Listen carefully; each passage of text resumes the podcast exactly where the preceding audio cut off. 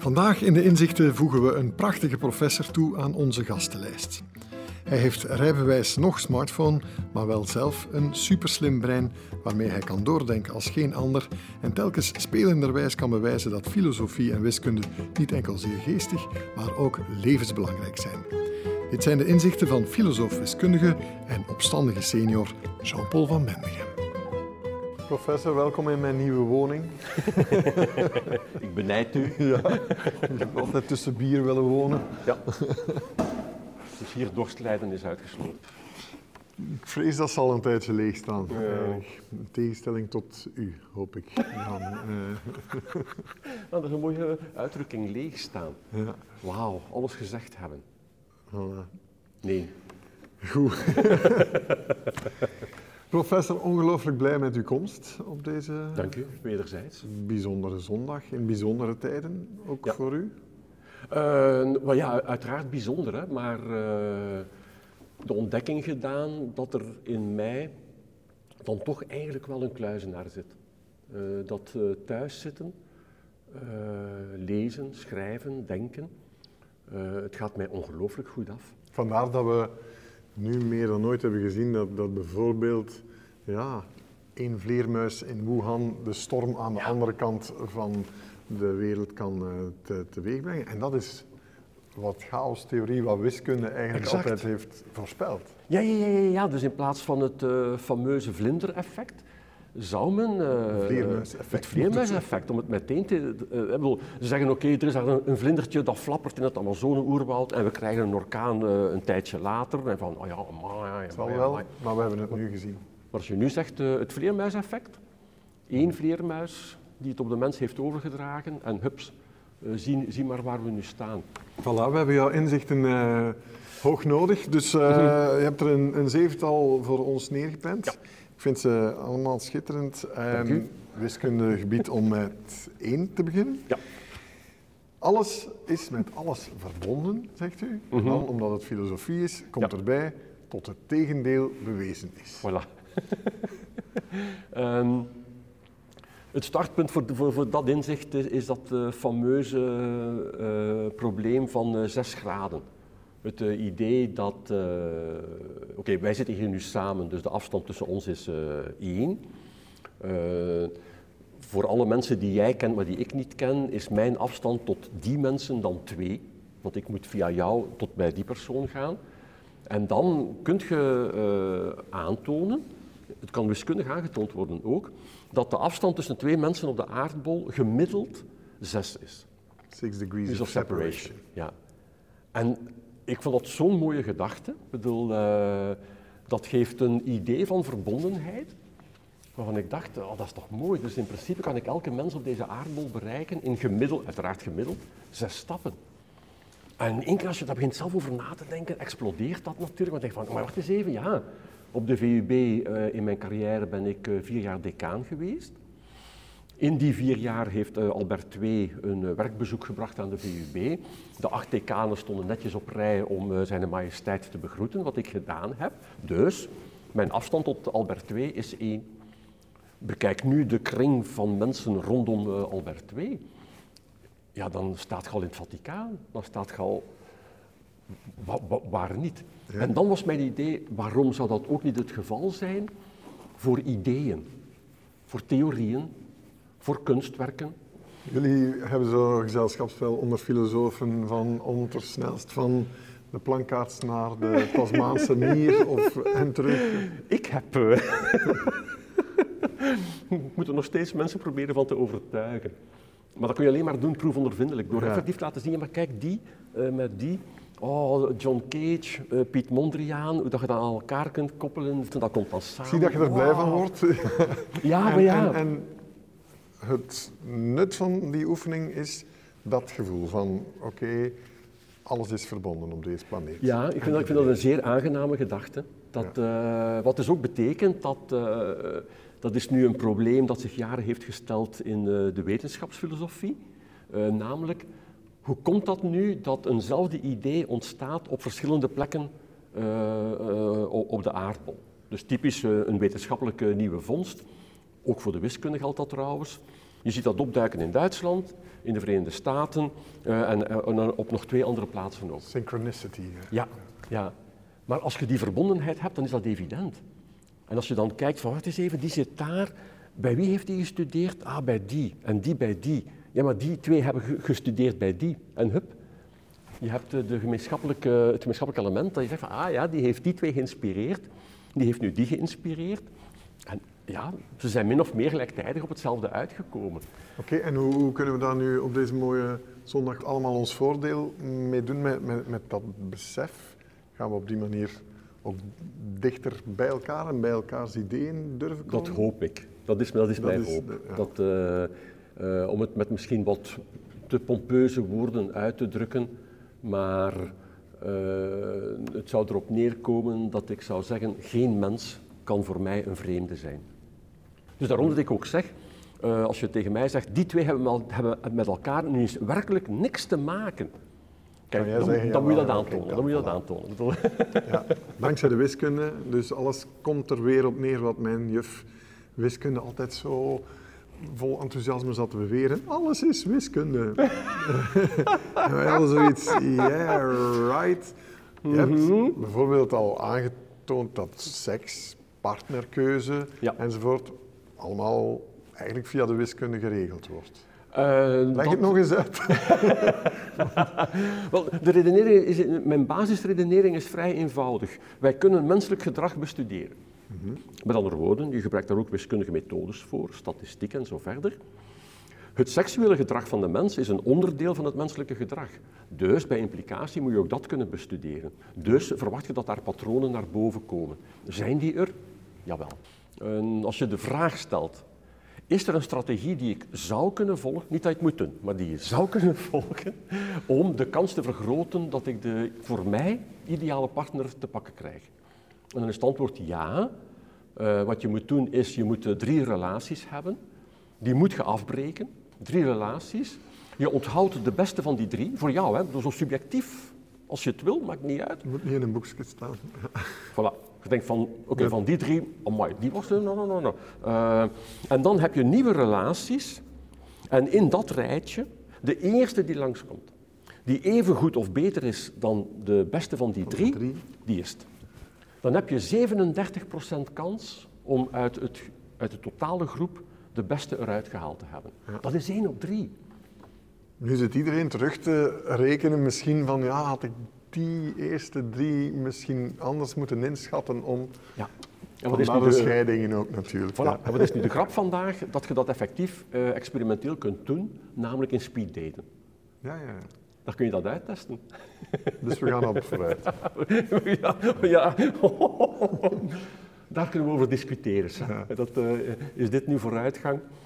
Uh, wel, ik, maak het altijd, ik plaats het altijd zelf wat in, in perspectief, uh, omdat ik dan zeg, ja, uh, dit is nu een hele mooie strategie die je kunt volgen, maar het probleem is wel, ik heb alles nu bekeken vanuit het standpunt van één van de twee.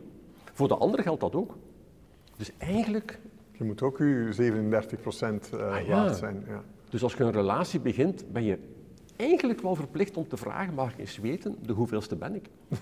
Want als die andere zegt, uh, je bent mijn derde, dan denk je, oh leuk jong, die gaat dat moeten afmaken. Hè? En ik ga er moeten, moeten mee akkoord gaan en zeggen, heel verstandig, heel verstandig. Goed, voilà, nieuwe, nieuwe inzichten nu al reeds. Zullen we naar de volgende uh, gaan? Daarin zeg je, denken en voelen vormen één geheel.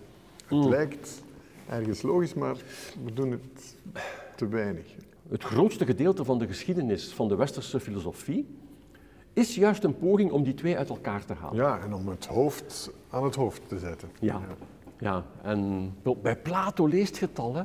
de ziel gevangen in de kerker van het lichaam, in een van de versies. Descartes die zich ligt uit te sloven in la passion de l'âme, de passies van de ziel, om, van hoe moet je er mee omgaan?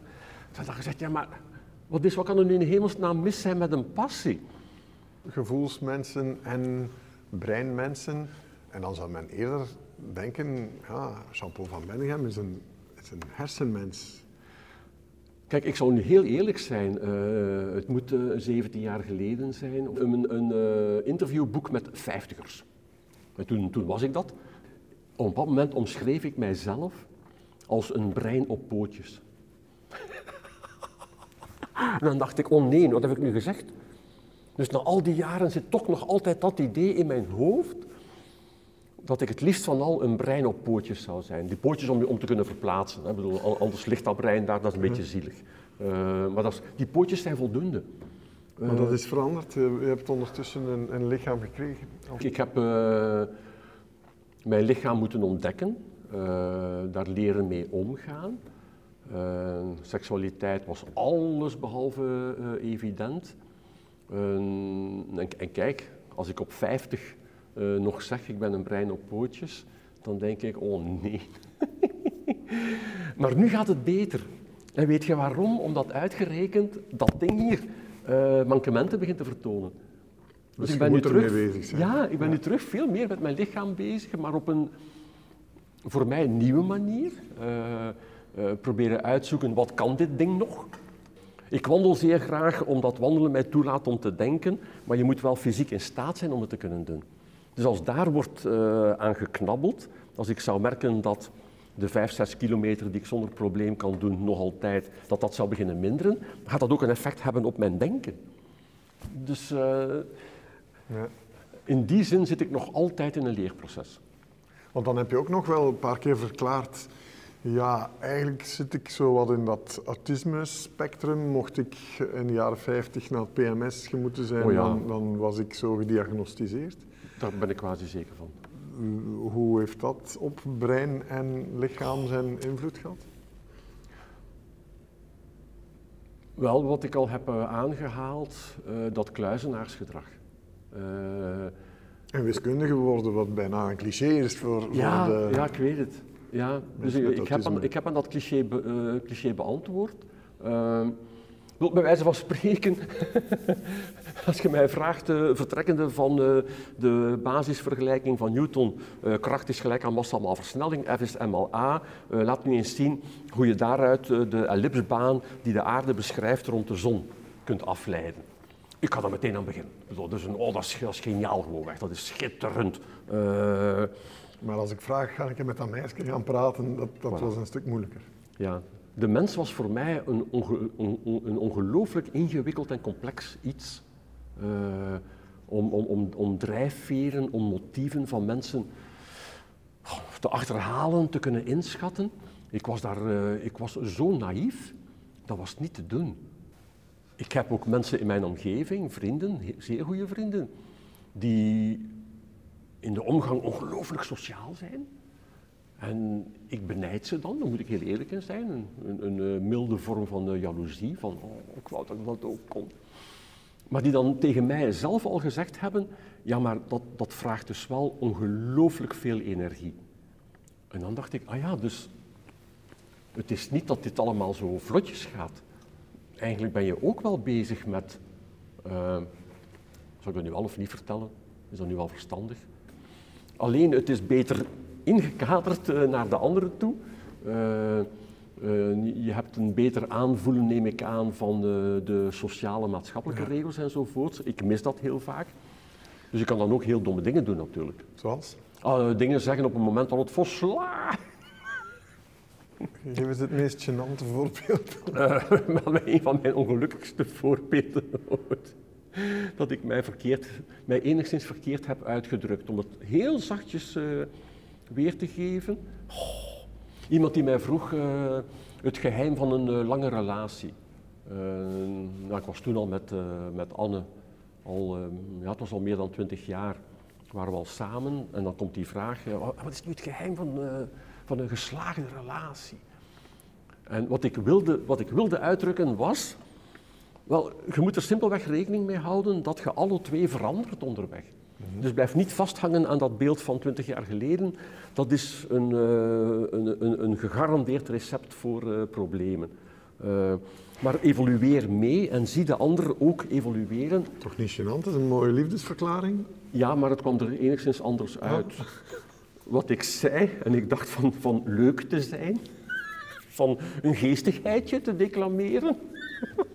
wat ik zei. Zeg, weet je wat het is?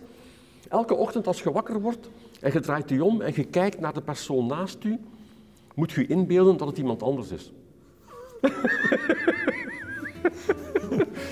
Er was iemand uh, niet echt uh, content.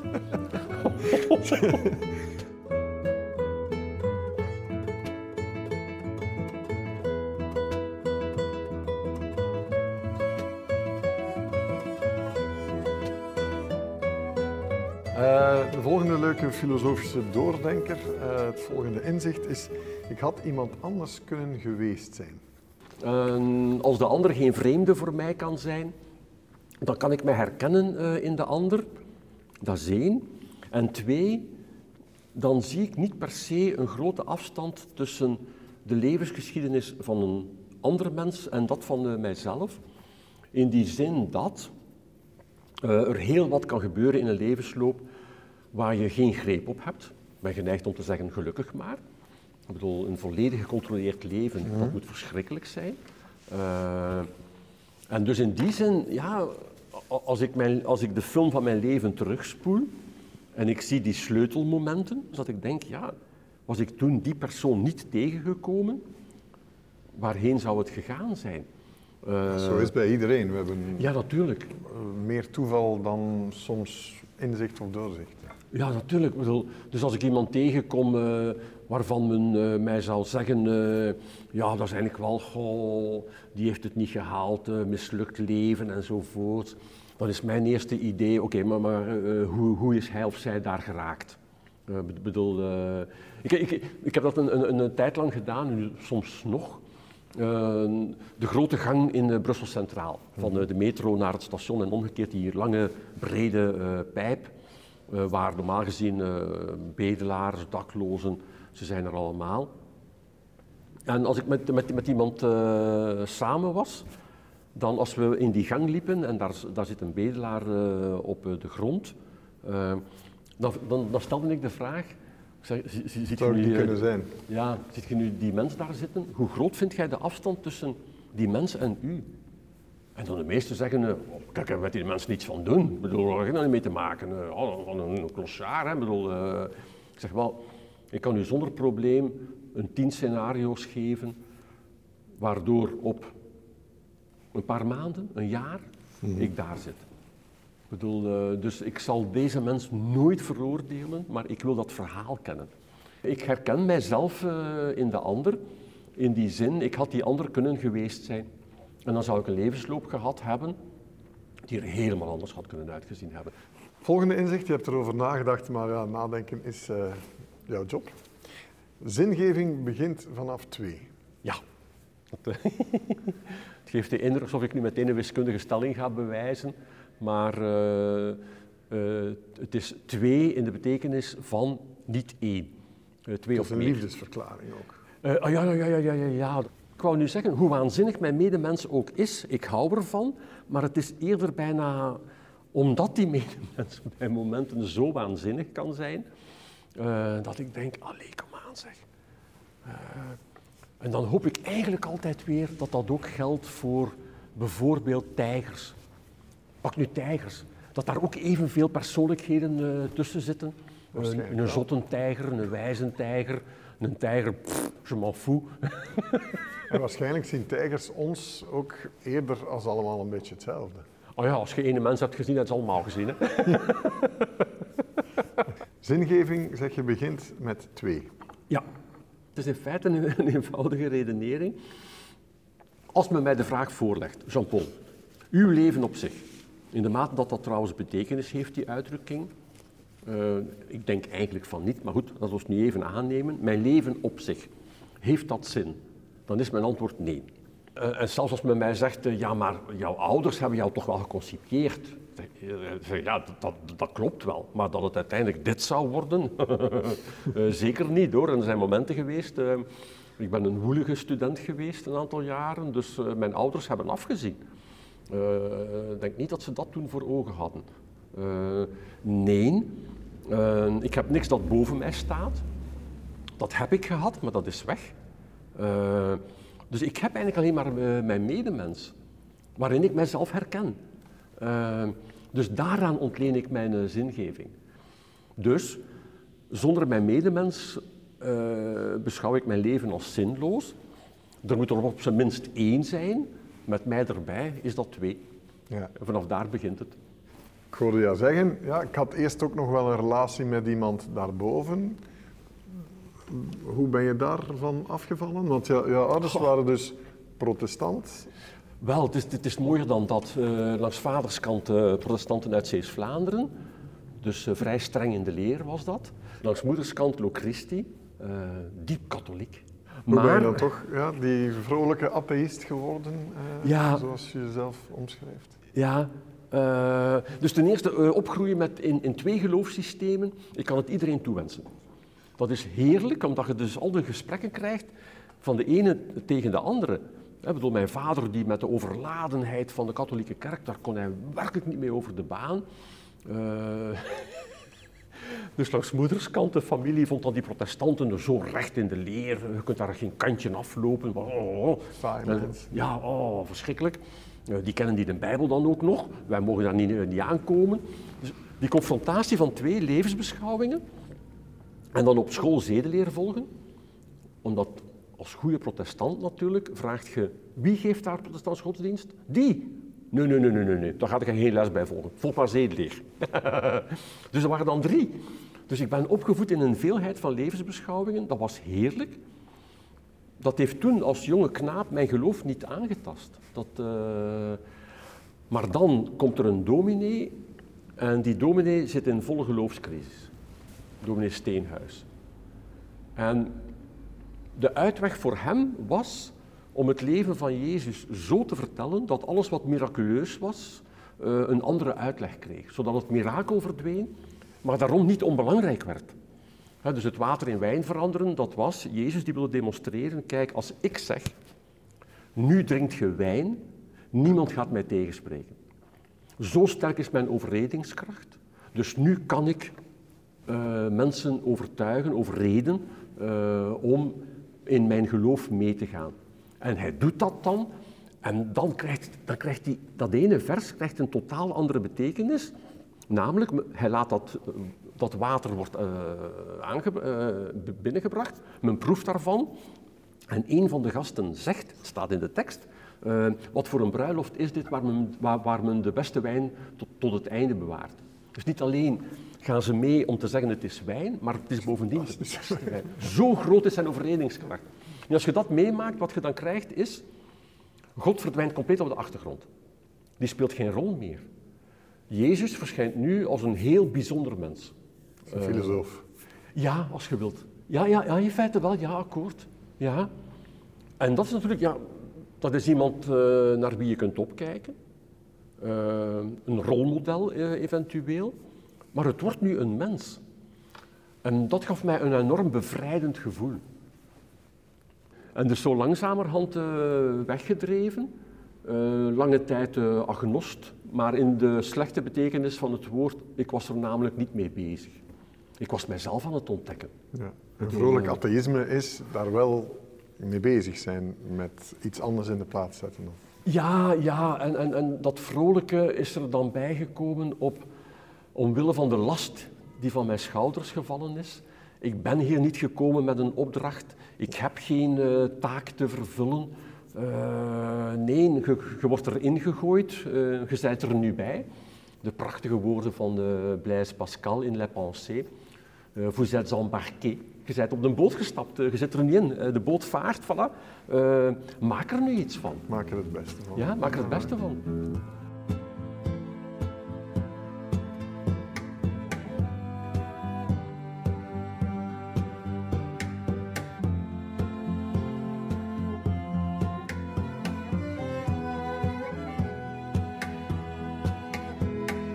De volgende is uh, in de wijsheden van Jean-Paul van Bendegem al de vijfde. Um, wijsheid mag niet verward worden met kennis. Ja. ja.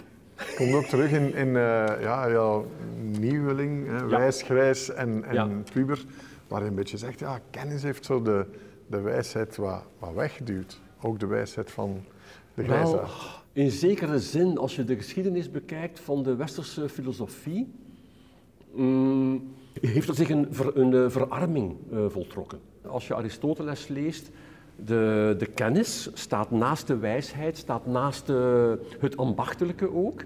En, en, die worden als evenwaardig uh, behandeld en geanalyseerd.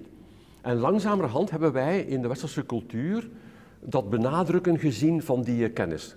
Toegegeven, uh, als je nog eens kennis gelijkstelt aan wetenschappelijke kennis, dat heeft geleid tot triomfen. Dat heeft ons een maatschappij opgeleverd die dingen kan doen die nooit eerder gezien zijn geweest. Maar die wetenschappelijke kennis kijkt op een wel bepaalde manier naar eh, de wereld. Zij zoekt eigenlijk, als ik het nu bruut mag samenvatten, naar de algemene patronen. Zij moeten spreken over alle gevallen, gelijk waar, gelijk wanneer. De valwet geldt overal in het hele universum. Uh, klaar. Maar daardoor vergeet je onvermijdelijk de, de details, de particulariteiten uh, van een gegeven situatie. Het is niet voor niks hè, dat we labo's hebben. Labo's hebben die mooie eigenschap dat je een afgezonderde omgeving creëert, juist om een greep te hebben op uh, al die factoren die je in het dagelijkse leven erbij krijgt, ongewild. Uh, dus economen maken prachtige modellen, maar heel vaak falen die, omdat er in de praktijk zoveel elementen bij komen. Dus, dat gezegd zijnde, in die concrete praktische situaties heb je die wetenschappelijke kennis nodig, maar dat kan niet volstaan. Er moet iets bij komen die maakt dat je die kennis kunt een plaats geven in dat uh, alledaagse gebeuren. En daar voor mij uh, zit wijsheid. Filosofie wil ook letterlijk zeggen liefde voor de wijsheid. Voor de wijsheid. Wijsbegeerte. Het is wijsbegeerte en niet per se kennisbegeerte. Ja. En dan heb je het zeker ook, ja, dus in jouw laatste boek Wijs, Grijs en Puber, over, over die wijsheid die met de jaren komt, ja. die vandaag niet meer wordt gevalideerd. Allee, hier is toch een reservoir aan, aan, aan middelen en het wordt niet benut. Je hebt het zelfs uh, grijsisme genoemd, ja. hè? Uh, racisme, ja. ja. seksisme, grijsisme. Je hebt echt dat gevoel dat, dat mensen boven de 65 dan helemaal uitgespeeld zijn. Vaak begint het al vroeger, hè? mensen boven de 50 worden eigenlijk al niet meer echt. Ja, klopt. Uh, ja, ja, ja, ik heb het daarom, ik heb er geen specifieke leeftijd op geplakt. Uh, bij mij is het nu uh, gebeurd, is die 65 wel een kantelpunt geweest. Is dat ook echt een, een letterlijk kantelpunt op, op een gegeven moment dat je voelde? Waarom dat je dat boek dan ook hebt geschreven? Ja, twee dingen. Het ene ding was dat ik mijzelf moest her herpositioneren. dus in staat zijn om dingen los te laten. maar dan heeft het mij enorm geholpen om te kijken naar mijn eigen leven. Ik bedoel, goed, ik was directeur van het onderzoekscentrum Logica en Wetenschapsfilosofie aan de VUB. je gaat op pensioen, die positie moet je opgeven. Uh, nieuwe jonge onderzoekers nemen uh, mijn plaats in. Uh, en eerlijk zijn, bedoel, ik denk niet dat dat. iedereen zal dat herkennen. Het eerste moment was dat niet gemakkelijk. Van, ah, ik moet dat nu uit handen geven. Het is weg. Maar dan dacht ik, ja, maar ga ik me nu ook nog echt moeien met de thema's, de onderwerpen die ze graag willen onderzoeken? Ik moet dat loslaten, want ik heb het zelf mogen meemaken. Uh, in mijn geval, uh, mijn eerste leermeester, aanhalingstekens, was Leo Apostel, de tweede Dirk Bates. Die hebben mij die vrijheid gelaten. Om te zeggen, wilt jij graag dat onderzoeken? Word je daardoor echt getriggerd? Hè? Ben, je, daar passioneel over? Ja, ja, ja, ja, dan moet je dat doen. Ook al is het niet meteen ons onderzoeksthema, dat maakt niet uit. Dus waarom zou ik nu aan anderen ontzeggen wat ik wel heb mogen uh, van genieten. Maar dat is een oefening om te zeggen, oké, nu ben ik terug een onderzoeker tussen de onderzoekers met een andere leiding aan het hoofd. Dat heeft niet zo lang geduurd, dat gaat vrij snel. Maar dan het tweede element, de perceptie van de ander. Hoe die naar mij kijken. En dat was curieus. Het eerste wat mij opviel, als je zegt ik ben op pensioen, alle commentaren, quasi alle commentaren, waren negatief. Oei, geen schrik voor het zwart gat. Ik zeg, ja, we hebben nu een foto van een zwart gat en dat is het manifest niet. Uh, daar trekt het helemaal niet op. Uh, gaat je uw dagen kunnen vullen? Ja. Ik zei, hoezo ga ik mijn dagen kunnen vullen? Wat bedoelt je nu? Dat, uh, dus, alsof, men, alsof je wordt uitgeschakeld. Op het moment dat je economisch nutteloos wordt, word je ook maatschappelijk nutteloos. Dan. En ik vind het niet erg om nutteloos te zijn. Uh, uh, veel van de dingen die wij doen hoeven niet meteen iets op te brengen, om die termen te, toch maar te gebruiken. Maar als je echt nut gelijkstelt aan economisch nut, ja, dan kan het niet anders. Dat, ja. En nogthans, er zit daar zo'n potentieel aan wijsheid. Let op, ik ga niet zeggen dat alle senioren wijs zijn. Er zijn er ook uh, die het bloed onder, onder mijn nagels vandaan kunnen halen. Dat je denkt, maar heb jij nu werkelijk in je leven niets geleerd? Hoe is dat nu? Had jij oordoppen op uh, en stonden die oogkleppen niet zo, maar werkelijk zo? Wat is dat met u? Want leeftijd staat toch niet altijd gelijk met wijsheid. Je hebt heel jonge mensen die heel wijs zijn en omgekeerd. Ja, ja, ja. ja. Ervaring, praktische ervaring, dat ambachtelijke ook, is een bron van wijsheid. Maar zeker niet de enige bron. En het is wat ik zou durven omschrijven als het, een, een, een, een, goed gevoel hebben voor details. Daar aandacht voor hebben. voor de kleine dingen. Je zegt in, in, in Wijsgrijs en Puber als, als opstandige senior zo van wij worden hier bijna letterlijk uit de markt gezet. Ja, ja, ja, dat is ook veelzeggend. Maar is het ook niet omdat dat mensen op een leeftijd daar nu zelf ook een probleem lijken van te maken, terwijl je vroeger of in andere culturen op je leeftijd mocht beroepen. Nu zeg je, goh, ik ga, ik ga, mijn leeftijd niet zeggen. Ja. Oh ja, maar ja, ik ben oud. En... Ja, ja, ja, ja, ja, het gaat in die zin... Uh... Men verontschuldigt zich voor leeftijd. Uh, ik ben geneigd om uh, daar het idee te hebben uh, dat dat economisch nutsverhaal blijkbaar heel erg succesvol moet zijn want het doet zelfs mensen geloven dat ze effectief onnuttig geworden zijn. En ze verontschuldigen zich daarvoor. Terwijl het mij het idee eerder is, uh, maar nee toch. Allee, ik bedoel, uh, kom naar buiten, uh, laat uw stem weer klinken. Een, een, daarbij aansluitend punt is, en dat is opnieuw het aandacht hebben voor het specifieke, het, het particuliere van de wereld rondom jou, is om ook aandacht te hebben voor al hetgeen je niet ziet. Als, als mensen tegen mij zeggen, ja maar ja, senioren, oh, eigenlijk doen die toch ook effectief niet veel.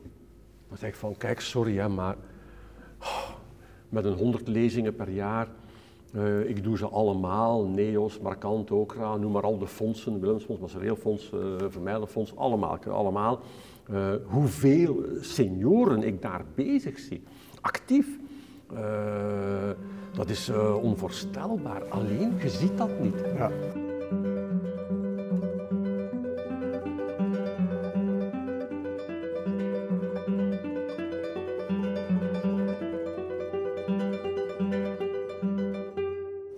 Ons voordeel mee doen, denk ik. Um, het is simpel, op alles zit ruis.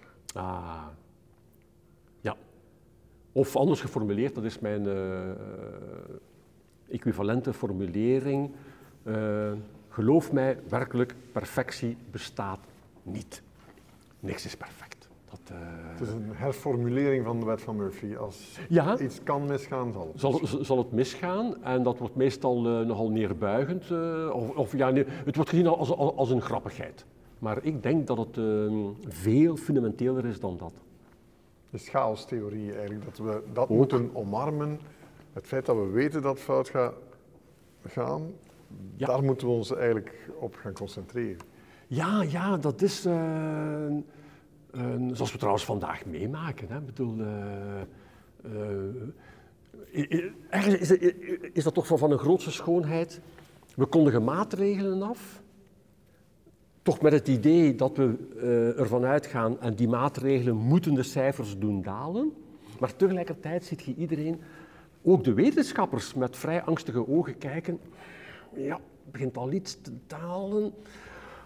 Oh, ik denk dat we gaan komen. Tja, waar is nu de zekerheid naartoe? als we deze maatregelen implementeren, dan gaan we dat effect hebben.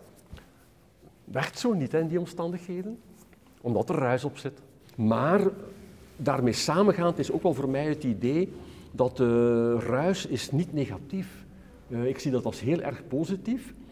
Uh, om dat nu meteen heel concreet toe te lichten.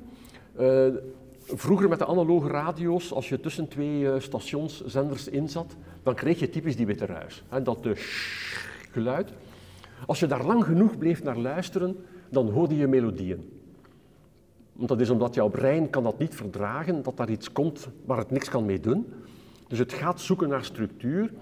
En omdat het witte ruis is, heb je in principe alle frequenties. Dus wat doet jouw brein? Het gaat zoeken in jouw geheugen. Uh, welke melodieën zitten hier het diepst begraven? En die hoort je dan. Dus het is een zeer mooie test om te doen. Luister naar witte ruis, wacht tot er een melodie naar boven komt. En dan ga je waarschijnlijk doodverbaasd zijn over, over de kwestie waarom die melodie. En dan moet je eens uitzoeken waar heb je die melodie voor het eerst gehoord enzovoort. Dat kan zeer... Uh, in die ruis is ongelooflijk veel mogelijk. Dus het is voor mij ook een bron van creativiteit. Ja. Het is uh, opnieuw dat oog hebben voor detail om in een bepaalde situatie. Je had dat element eigenlijk buitengesloten, dat speelde geen rol. Maar nu ontwikkelt het zich zo dat je denkt: wacht eens even, misschien kunnen we daar wel iets mee doen. De eh, imperfectie, de imperfectie uh, omarmen, ja, zoals men dat dan zo mooi ja, zegt. Ja, ja en wij mensen zijn daar zelf een perfecte uitdrukking van. Oh, het is toch niet voor niks hè, dat we de discussie al eeuwen kennen in de filosofie over uh, de weakness of the will, de wilszwakte. Ja, bedoel, en ik ken dat zelf ook, we kennen het allemaal. Je weet, je hebt erover nagedacht, en grondig over nagedacht. Je weet dat dat is wat je moet doen. En toch doe je het niet. En we zijn imperfecte wezens in, in, in, een wereld waar perfectionisme vandaag zo'n beetje de plaag van de 21ste eeuw lijkt te zijn. Ja, ja. En dan uh, vind ik het, uh, hoe moeilijk het ook is om het los te laten. Als je dan een uh, weekblad ziet, ik ga de naam niet noemen, maar ze hebben een focus- en een weekendeditie. als je dan ziet, terug naar het, naar, de, naar het natuurlijke, de, een natural. Maar dan zie je nog altijd mannequins die volledig bewerkt zijn tot in detail, maar die er nu bewerkt slordig uitzien. Dan denk je, allee, kun je dan een keer gewoon niet loslaten? Imperfectie uh, omarmen um, zou ons van veel burn-outs en, enzovoort uh, kunnen behoeden. Want daar heeft perfectionisme, lijkt het ook telkens mee te maken. Ja, en ook wat daar voor mij mee samengaat, ook omdat ik het in mijn eigen leven heb meegemaakt, uh, het nee zeggen, omdat je voor jezelf het idee hebt en dat kan een goed gefundeerd idee zijn. Ik ga die opdracht niet aanvaarden, want ik ga dat niet goed doen. Omdat bijvoorbeeld uh, ik er geen passie kan voor ontwikkelen. Dat, uh, maar dat is moeilijk. Leren falen is het ook, hè? Faalkunde. Ja, wel, ik ben een groot verdediger van de Peter Principle. je gaat zo hoog in een hiërarchie tot je jouw niveau bereikt van incompetentie daardoor bovenaan zitten. Dus ja. Um, toen, ik decaan af was, pardon, toen ik decaan af was, had ik door, oké, Peter Principle, dit is het. Ik moet niet proberen uh, of willen hoger gaan. Uh, hier heb ik gemerkt, dit, zit, dit is mijn grens. En meteen op die manier uh, kunnen we naar het laatste inzicht. onderschat de bevrijdende kracht van humor niet. Ja. Ik weet wel, uh, men zal uh, zeggen, ja, maar humor kan ook juist een afschermende functie hebben. met de kwinkslag kun je uit, uit heel veel, veel, situaties redden. En dat is ook juist, dat ga ik, niet, zeker niet bestrijden. Maar het gaat er mij om, humor exploreert mogelijkheden die we anders niet zouden bekijken. Iemand staat aan de oever van een kanaal, ziet iemand aan de overkant staan Nergens in die en in die richting is er een brug te zien. En hij roept naar die mens: Meneer, hoe kom ik aan de overkant? Waarop die mens daar antwoordt: ah, Waarom? Je staat er al. Dat nog eens bovendien ons logisch denkvermogen dat uh, hier geprikkeld wordt. En ik geef al een paar jaar een, een lezing over humor. Uh, wat, is het? Hoe, hoe, hoe, hoe werkt het en, enzovoort. En ik begin met het, uh, met, met, uh, in de inleiding al met uh, een mop te vertellen die ik dan nog een aantal keren zal gebruiken in de lezing. Het is een hele klassieke mop hoor. Het is een man die aan de toog staat in een café, deur gaat open, komt een paard binnen, paard bestelt een whisky, klopt dat achterover, rekent af, gaat terug buiten. Man aan de toog natuurlijk doodverbaasd, kijkt naar de patroon en zegt ja maar, ik ben toch niet mis hè, dat was toch... Er is toch een paard binnengekomen dat een whisky gedronken heeft Waarop de patroon zegt, ja, verstaat ook niet, normaal drinkt hem altijd trippel. en dat... Uh, Oké, dus dan kun je dat uitleggen, de incongruïteit. Je hebt een scenario en dan een wisseling in het scenario dat je totaal niet verwacht, et cetera. Uh, maar dan wat later zeg ik, ik zeg, kijk, je beseft toch, wanneer ik die mop heb verteld, je hebt uh, gelachen, dus uh, je vond het een redelijk goede mop, belegen, maar goed.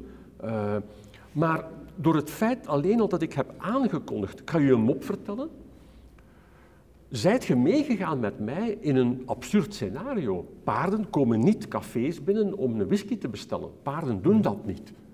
Maar je bent meegegaan.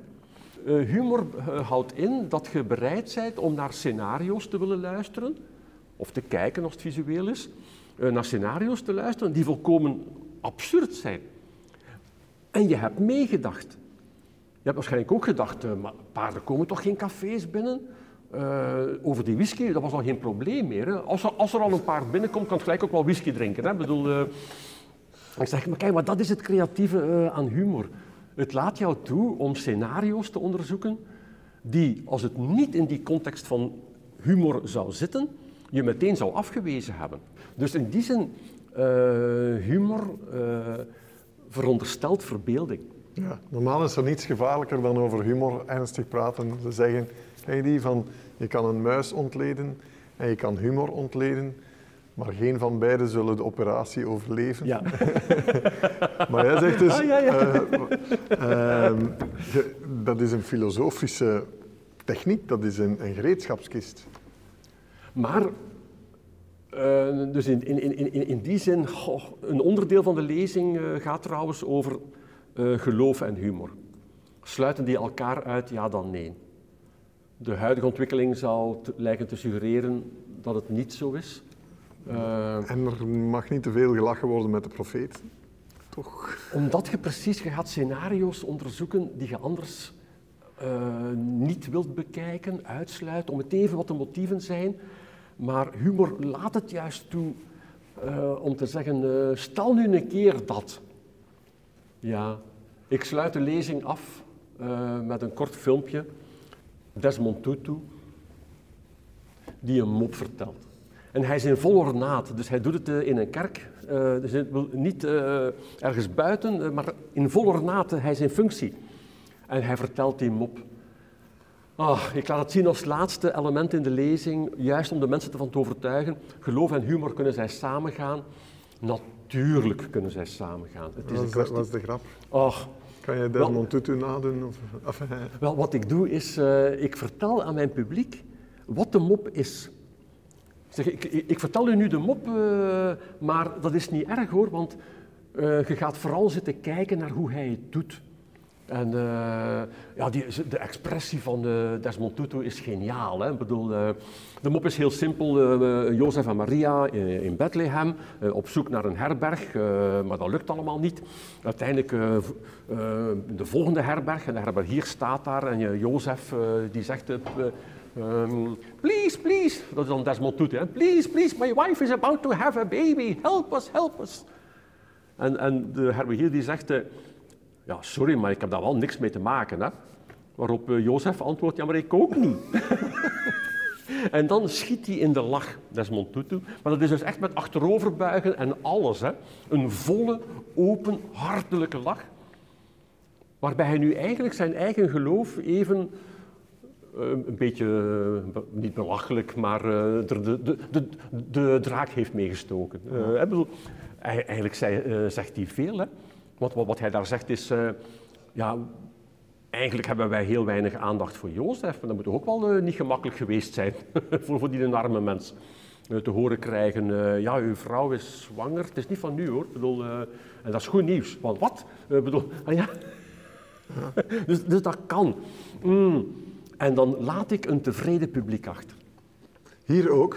Uh, ja, we gaan uh, hier niet meer boven geraken. Dus een mooie afsluiter van uh, heerlijke inzichten. ja, okay. bedankt om hier te zijn. Dank u, wederzijds.